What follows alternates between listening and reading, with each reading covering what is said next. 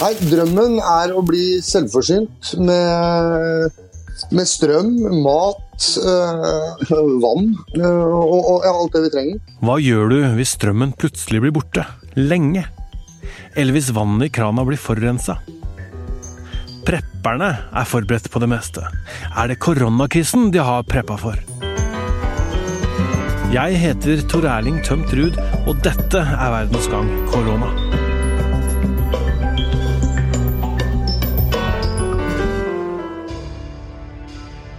De er forberedt på det verste. Mens vi andre er sjanseløse hvis vannet blir borte, strømmen går eller det går tomt for mat i butikken, er det mange i Norge som kan leve lenge med det de har lagra. Jeg kan ikke være her. Jeg kan ikke holde på med det her. Det er farlig uansett hva som skjer, om det er terror eller om det Da begynte de tankene å komme. da, at liksom her er vi veldig sårbare midt inne i gryta her med så mye folk. og Hva, hva skjer hvis det skjer noe her nå? Dette er Fredrik Juel. Han kaller seg sjøl en prepper. En prepper er en person som forbereder seg og familien på alle slags katastrofer. Du husker Fredrik som kokk på seilbåten Berserk, der han lærte at han måtte forberede seg. Da han kom på land, så fikk han en datter, og det forandra mye.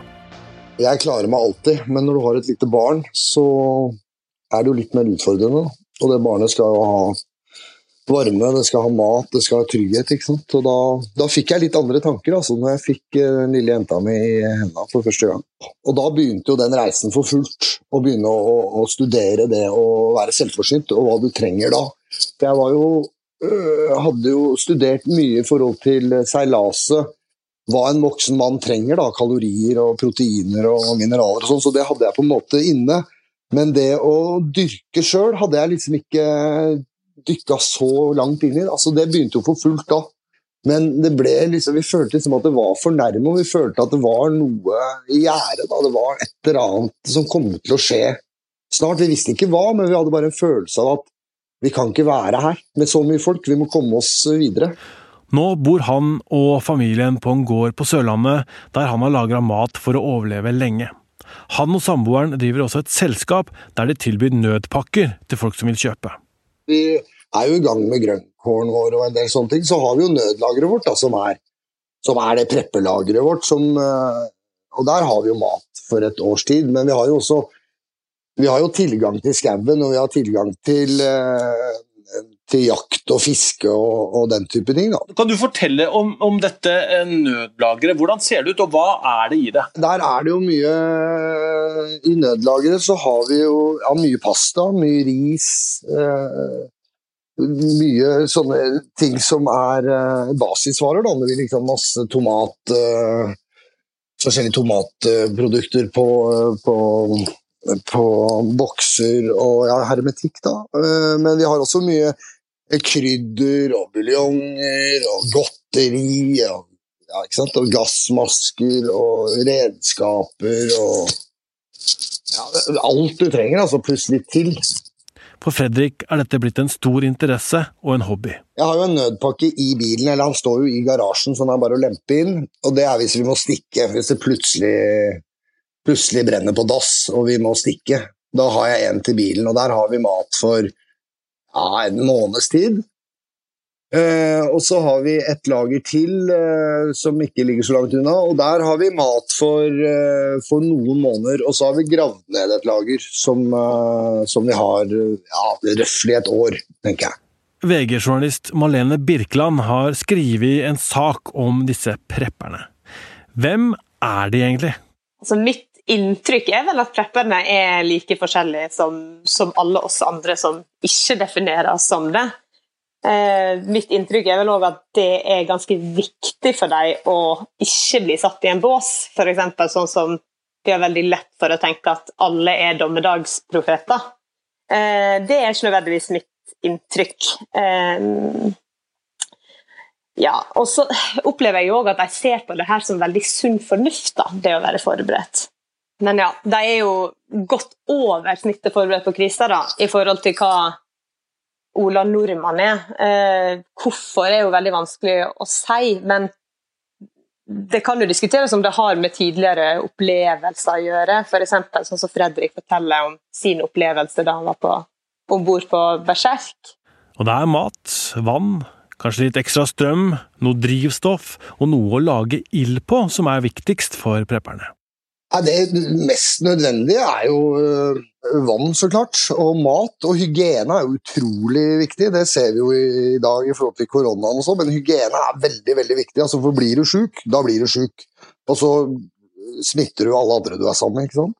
Men, øh, men varmekilder Det er jo veldig, veldig få leiligheter nå som har vedfyring. Alle nye leiligheter har jo bare strøm. Eh, så du må ordne deg noen varmekilder, og så må du ha kokemuligheter, da, sånn som en, eh, parafin eh, Ja, whatever. En gasskomfyr, liksom. Og så de nødvendige medisinene, hvis du trenger det. Det er også veldig viktig å ha, for det apoteket er ikke nødvendigvis åpen. Og så tenker jeg at det er veldig, veldig viktig å kose seg.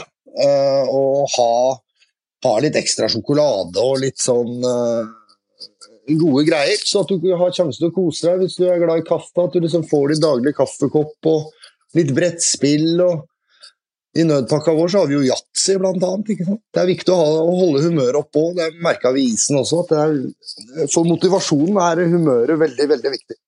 Noen forbereder jo seg til, til enkle ting, som å, som å klare, bare klare seg sjøl hvis man skulle bli syk eh, fordi man enten bor eh, alene hjemme. Men så har du de som eh, i helt andre skalaen, som har bunkerser og er forberedt på atomnedfall. Eh, så der er jo spekteret ganske eh, bredt. Eh, noen har jo bunkers av våpen og slikt, men mitt inntrykk er, ikke at det er ikke den jevne norske prepperen, da, for å si det sånn. Nei, Hva er det den har, da? Litt mat og litt medisiner og sånne ting? Jeg tenker det er store matlager det går i. Det er det som går igjen hos de jeg har snakka med. Eh, noen at det varer i flere år, andre for eh, et år. For Fredrik er det mange scenarioer som er verre enn koronapandemien vi står i nå. Men, eh, men er det denne koronapandemien dere har forberedt dere til? Det er det ikke. Men det er jo en av de. Og den kom jo litt sånn På oss også så var det jo julekvelden på kjerringa, det. det. Og det er jo det som skjer. Det er derfor vi også er forberedt. For at når ting skjer, så skjer det så fort. Uh, og det tror jeg ikke folk er helt klar over, hvor fort uh, ting skjer. Ut ifra ditt trusselbilde, om vi skal se, se, det sånn, da, så er jo det jeg mener er det mest, eh, mest truende akkurat nå, eller sånn i framtiden, er jo rett og slett strømbrudd. Uh, og forårsaket av solstorm. Eh, jeg tror at det er noe vi kan møte på ganske snart, og det er, mener jo forskerne og NASA også at, eh, at vi ikke tenker noe mer på det, er jo veldig rart. Og er strømmen, går strømmen vår, så er hele samfunnet vårt tilbake til 1800-tallet. Hva skjer da? Nei, det, det er bare å tenke seg det. Hva skjer hvis du ikke får fyr på Teslaen, og du får ikke ringt uh, Uh, mora di eller kjæresten din du får ikke lagd mat. Er det 20 minus ute og du sitter på nærhet til i Grünerløkka med elfyring, hva gjør du da, liksom? Da fryser du i hjel, uh, eller så sulter du i hjel. Eller så må du ut og slåss i gatene med alle andre som har det akkurat likt som deg. Mm. Det er et uh, veldig dystert scenario. Ja, det, Jeg syns det er vakkert, ja, da, for jeg mener vi må ha fingeren i jorda her. og kanskje begynne å, å ta den kunnskapen vår tilbake som besteforeldrene våre og oldeforeldrene våre hadde. Eh, om å dyrke vår egen mat og sånn, men jeg også syns det er fantastisk kjekt med strøm og alt det der. Det er kjempefint med strøm, men vi er altfor avhengig av den strømmen. Vi har, liksom blitt, vi har gått bort fra all den kunnskapen vi egentlig hadde, og over til apper. Liksom. Og hva skjer når ikke den appen funker? Og ikke mobiltelefon funker. Det er ingenting som funker. Det er ikke en bensinstasjon som funker. Det er, det er ingenting som funker, og det vil ta månedsvis til å få det opp igjen hvis en eventuell solstorm kommer. da. Og det er bare én av scenarioene. Hvordan møter du kritikk fra de som mener at uh, du drar det litt for langt? Nei, Da begynner jeg egentlig bare å, å stille spørsmål tilbake. Ja, da. Hvis det er noen der ute som kan argumentere mot meg at det er bedre Eller at det ikke er bedre å være forberedt enn å ikke være det. det han vil jeg gjerne ha en liten prat med. Eh, men, men, de som mener at jeg kan dra det langt, det kan jeg godt være enig sånn sett, men, da, men det er jo Jeg liker duppedingser og liker å liker å, forberede, liker å forberede meg, så det blir jo en hobby igjen. ikke sant? Så det er jo, men, men å ha et lite lager, det syns jeg nesten bare er idiotisk å ikke ha. Eller veldig naivt, da, i det minste. Malene, du som har snakka med flere av disse prepperne. Hvor mye er reelt, og hvor mye er konspiratorisk? Det er jo ikke, det er jo ikke noe hemmelighet. Det er jo som, som en av de som intervjua i saken, sier, at det er sikkerhetspolitisk veldig turbulent i verden nå. Eh, vi har klimakrisa. Eh, alt det er jo helt riktig, eh, men det kan jo på en måte diskuteres hvor reelt det er at det her skal skape så store katastrofer at vi eh, blir låst inne i vårt eget hus og blir avhengig av egen mat eh, over tid. Direktoratet for samfunnssikkerhet og beredskap har bedt oss om å lagre mat og vann og sånne ting i tre dager i heimen i tilfelle noe skjer. Men er det angsten som driver prepperne? Er det paranoiaen og nervene? Hvordan er det med psyken, da, når dere tenker sånn som dere gjør? Jeg mener jo at uh, den er jo styrket. Absolutt. Uh, for det er mye frykt ikke sant, med det greiene. Men jeg tenker at når du er forberedt, så uh, så har du i hvert fall sånn som vi her hjemme. da Vi har jo tenkt gjennom alle disse forskjellige scenarioene om hva vi gjør hvis de forskjellige tingene skjer. da, ikke sant? Uh, så jeg mener at det styrker jo psyken. Uh, og det å være forberedt mentalt er jo nesten halve jobben med, med å forberede seg. Er dere redde? Om jeg er redd? Ja. Nei, ikke, overhodet ikke. Marlene, du har snakka med psykolog eh, i saken du har skrevet om dette her òg. Eh, hva sier han? Psykolog Peder Sjø sier jo at det for noen er sunn fornuft å være observant på fare, mens for andre så er det sunn fornuft å stole på de systemene som vi har, som de fleste av oss gjør, da. Så nevner jo òg han at det er, det er, et spenningsmoment og en hobby eh, for mange. Og så er det noe med å være en av de få som prepper, på en måte en av de få som har skjønt det. Eh, at det kan være en slags eh, driver i seg sjøl, da. Eh, for å holde på med det. Og kanskje har Fredrik fra Berserk et poeng. Burde vi tenke mer på hva som skjer hvis strømmen blir borte mer enn et par timer av gangen? Hvis vi skal se på det store bildet, så mener jeg dette er positivt, det vi går gjennom nå.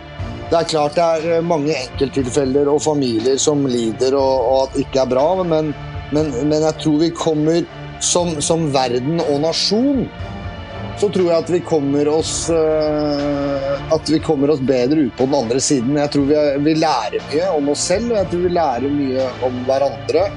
Og jeg tror at vi kanskje begynner å tenke litt annerledes enn det vi gjorde før koronakrisen. For nå ser vi også, nå ser alle hvor uh, sårbare vi er. Hvor sårbare systemene er. Uh, så jeg tror at vi, vi lærer veldig mye av den situasjonen vi er i. Det tror jeg.